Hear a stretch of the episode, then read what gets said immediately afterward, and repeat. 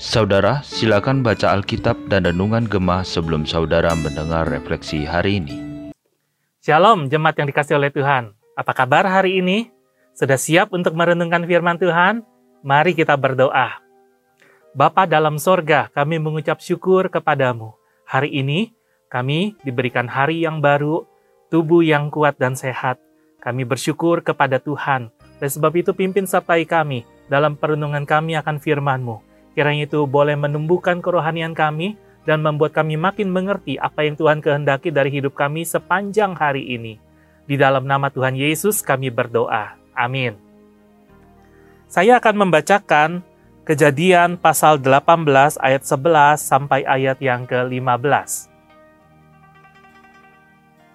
Adapun Abraham dan Sarah telah tua dan lanjut umurnya, dan Sarah telah mati haid jadi tertawalah Sarah dalam hatinya, katanya, akan berakhirkah aku setelah aku sudah layu, sedangkan tuanku sudah tua.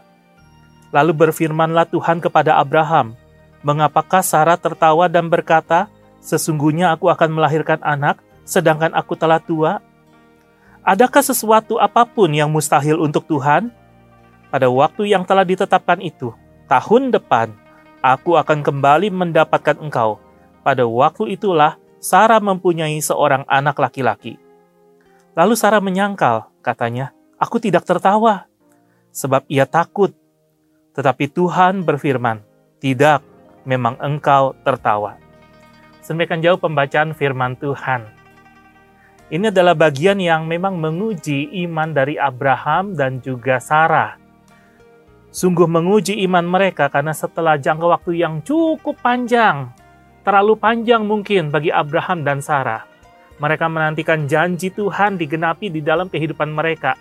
Namun sampai pada peristiwa ini, apa yang Tuhan janjikan belum mereka terima, belum mereka alami. Dan Tuhan datang bersama dengan malaikatnya untuk meneguhkan kembali apa yang pernah ia janjikan, untuk membangkitkan harapan kembali di dalam diri Abraham dan juga Sarah. Namun kita juga membaca bukan bahwa Sarah ada keraguan yang besar. Bahkan dia menyadari dengan keterbatasan fisiknya, keterbatasan fisik tuannya, yaitu Abraham suaminya itu. Maka dia berpikir, mana mungkin aku sudah terlalu tua untuk mengandung dan untuk melahirkan seorang anak. Dalam konsep pemikiran Sarah, keturunan Abraham tidak harus berasal dari rahimnya, padahal janji Tuhan dari rahimnya Sarah akan muncul penerusnya Abraham. Nah, Bapak Ibu Saudara yang dikasih oleh Tuhan, bagaimana dengan kehidupan kita hari ini? Bukankah sering kali kehidupan iman kita juga naik turun, pasang surut? Ketika ada kesulitan datang menerpa dan kita nggak bisa menyelami apa yang sedang dikerjakan Allah dari awal sampai akhir, penantian terasa begitu lama, doa-doa kita sepertinya tidak ada jawaban kita dibiarkan dalam penantian. Dan itu mungkin sering kali membuat kita meragukan apakah Tuhan yang berjanji adalah Tuhan yang akan menggenapi. Sesungguhnya apa yang dialami oleh Abraham dan Sarah adalah bagian dari proses pertumbuhan iman yang Tuhan izinkan terjadi dalam kehidupan mereka. Tidak ada segala sesuatu dalam kehidupan ini yang menjadi begitu instan, dengan mudah didapatkan, Kan ada pepatah yang bilang, kalau gampang dapat, gampang hilang. Kalau gampang dapat, tidak terlalu dihargai. Tapi apa yang didapat dengan kerja keras, dengan ya keringat yang membanjir, dengan usaha yang sungguh-sungguh, maka waktu menikmati hasilnya, kita menikmati dengan sukacita yang lebih penuh. Ketimbang cuma mendapatnya, ah gampang nih ternyata, ah mudah nih ternyata, ah tidak perlu proses lama-lama, begitu minta dikasih, maka iman kita juga jadi iman yang gampangan. Jadi iman yang sembarangan. Tapi iman yang teruji, iman yang bertumbuh ketika bersedia menghadapi proses demi proses di dalam kehidupannya. Oleh sebab itu bagaimana caranya iman bisa bertumbuh? Dari bagian Alkitab yang tadi kita baca bersama-sama, bagaimana iman kita bertumbuh? Maka yang pertama, kita menyadari bahwa iman bertumbuh melalui proses, tidak ada yang instan. Memang yang instan nampaknya enak ya, tapi kalau yang lewat proses itu jauh lebih enak. Karena apa? Itu menunjukkan kualitas. Yang instan sering kali hanya bicara tentang kuantitas, tentang jumlah. Tapi kualitas diukur lewat apakah kita bersedia menjalani proses yang daripada Tuhan. Kadang kita gagal bukan untuk menyalami maksud dan rencana Allah di dalam kehidupan kita. Namun yang membuat iman kita bertumbuh adalah ketika kita sadar, oh iya, imanku ini bisa bertumbuh tuh nggak asal-asalan, ada prosesnya. Kadang-kadang kita jatuh bangun, naik turun, pasang surut. Tapi Tuhan izinkan itu untuk membentuk kehidupan iman kita jadi iman yang tangguh. Tidak instan, tidak sembarangan, tidak abal-abal, tidak asal-asalan. Jadi iman yang serius, jadi iman yang jelas, yang punya dasar, punya basic, Bagaimana dengan kehidupan imanmu? Apakah engkau masih diproses oleh Tuhan hari ini? Apakah kehidupan imanmu masih jadi kehidupan iman yang dinamis karena engkau tahu Tuhan masih memproses engkau menjadi seorang percaya yang sungguh mempercayakan diri kepada Tuhan setiap hari. Lalu yang kedua, bagaimana iman kita itu bisa bertumbuh ketika kita menyadari bahwa apa yang mustahil bagi manusia mungkin bagi Allah. Tuhan berfirman, kepada Abraham. Memangnya apa sih yang mustahil bagi Tuhan? Itu menunjukkan bahwa apa yang nampaknya mustahil bagi manusia, karena kita manusia yang terbatas, penglihatan kita terbatas, daya pikir kita terbatas, apa yang kita bisa jangkau itu terbatas, dan itu dibandingkan dengan apa yang Tuhan bisa lakukan di dalam kehidupan kita. Maka jawabannya sederhana, apa yang mustahil bagi manusia mungkin bagi Allah. Allah sanggup mengerjakan segala sesuatu melebihi apa yang dapat kita pikirin. Dan dari bagian ini kita belajar bahwa Allah punya kehendak, Allah punya rencana. Ya. Dan bahwa apa yang mustahil bagi manusia, buat Tuhan itu biasa. Nggak ada apa-apanya di hadapan Tuhan. Tuhan dapat mengerjakannya sesuai dengan kehendaknya. Oleh sebab itu pertanyaannya buat setiap kita, Hari ini apa yang menjadi kemustahilan bagimu? Apa yang membuat engkau mentok dalam perjalanan imanmu bersama dengan Tuhan? Mungkinkah itu karena kita berpikir seperti apa yang kita mau dan kita berharap Tuhan melakukan seperti apa yang kita inginkan? Atau kita menyerahkan diri kepada Tuhan karena kita percaya Tuhan aku nggak bisa apa-apa yang bisa terbatas tapi engkau maha segala-galanya engkau sanggup mengerjakan apa pun juga. Aku yang terbatas ada di tangan Allah yang tidak terbatas. Imanmu akan terus bertumbuh ketika engkau menyadari apa yang mustahil bagi manusia mungkin bagi Allah dan kau menyerahkan hidupmu lagi kepadanya, menyerahkan dirimu yang terbatas ke dalam tangannya yang tidak terbatas. Yang ketiga, yang terakhir, bagaimana iman kita bertumbuh itu ketika kita percaya akan janji Allah dan menaruh pengharapan kita kepadanya. Percaya akan janji Allah bagaimana? Yaitu apa?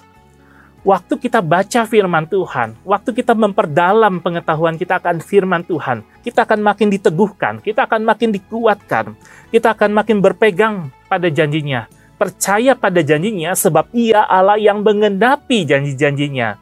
Ia bukan Allah yang suka berdusta atau suka PHP, pemberi harapan palsu kepada umatnya. Waktu Allah berjanji, ia akan menggenapi. Namun caranya bukan cara kita. Waktunya bukan waktu kita. Caranya adalah cara Tuhan. Waktunya adalah waktu Tuhan. Sebab kan kita nyanyi, ya, waktu Tuhan pasti yang terbaik. Walau kadang tak mudah dimengerti. Memang cara kerjanya Tuhan sering kali di luar jangkauan nalar manusia. Oleh sebab itu, mari kita belajar mempercayakan diri kita sepenuhnya pada janjinya, pada kebenaran firmannya. Bacalah firmannya, renungkan firmannya, berdoalah, serahkan dirimu kepada Tuhan. Taruh pengharapan yang utuh kepada Tuhan. Sehingga waktu ia menggenapi janjinya, maka bukan saja imanmu bertumbuh pada waktu ia mengenapi janjinya, tapi dalam proses penantian, imanmu juga bertumbuh. Bagaimana dengan kehidupanmu hari ini? Engkau masih mengandalkan firman Tuhan? Engkau masih percaya kepada firman Tuhan yang engkau baca dan engkau renungkan setiap hari? Apakah engkau masih menaruh pengharapanmu kepada Tuhan? Hari ini kita belajar dari Abraham dan Sarah. Di tengah kegagalan, kegalauan mereka menanti begitu lama, Tuhan tidak biarkan mereka jadi orang yang kehilangan iman. Bahkan Abraham dikatakan bapak orang percaya. Bahkan dalam uh, bagian yang kita baca tadi pun, Sarah juga menunjukkan ada sebuah proses perubahan.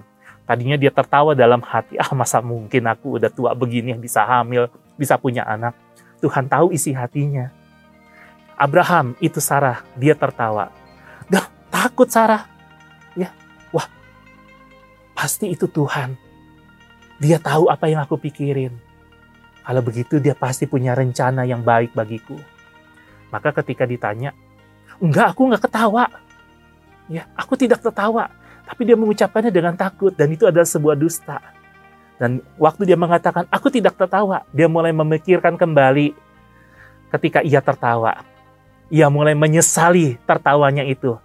Karena dengan segera dia berubah pemikiran, iya ya, ini mungkin cara Tuhan. Bagaimana dengan kehidupan kita? Bukankah Tuhan terus hadir di dalam keseharian, di dalam ketidakberdayaan, dalam keraguan, dalam ketidakpercayaan kita untuk melihat rencana Tuhan yang sedang direndak dengan indah dalam kehidupan kita. Apakah yang menjadi pergumulanmu hari ini? Terus tumbuhkan imanmu kepada Tuhan, percayakan hidupmu kepadanya, dan biarlah engkau seperti tiga poin hari ini, imanmu bertumbuh lewat sebuah proses yang tidak instan.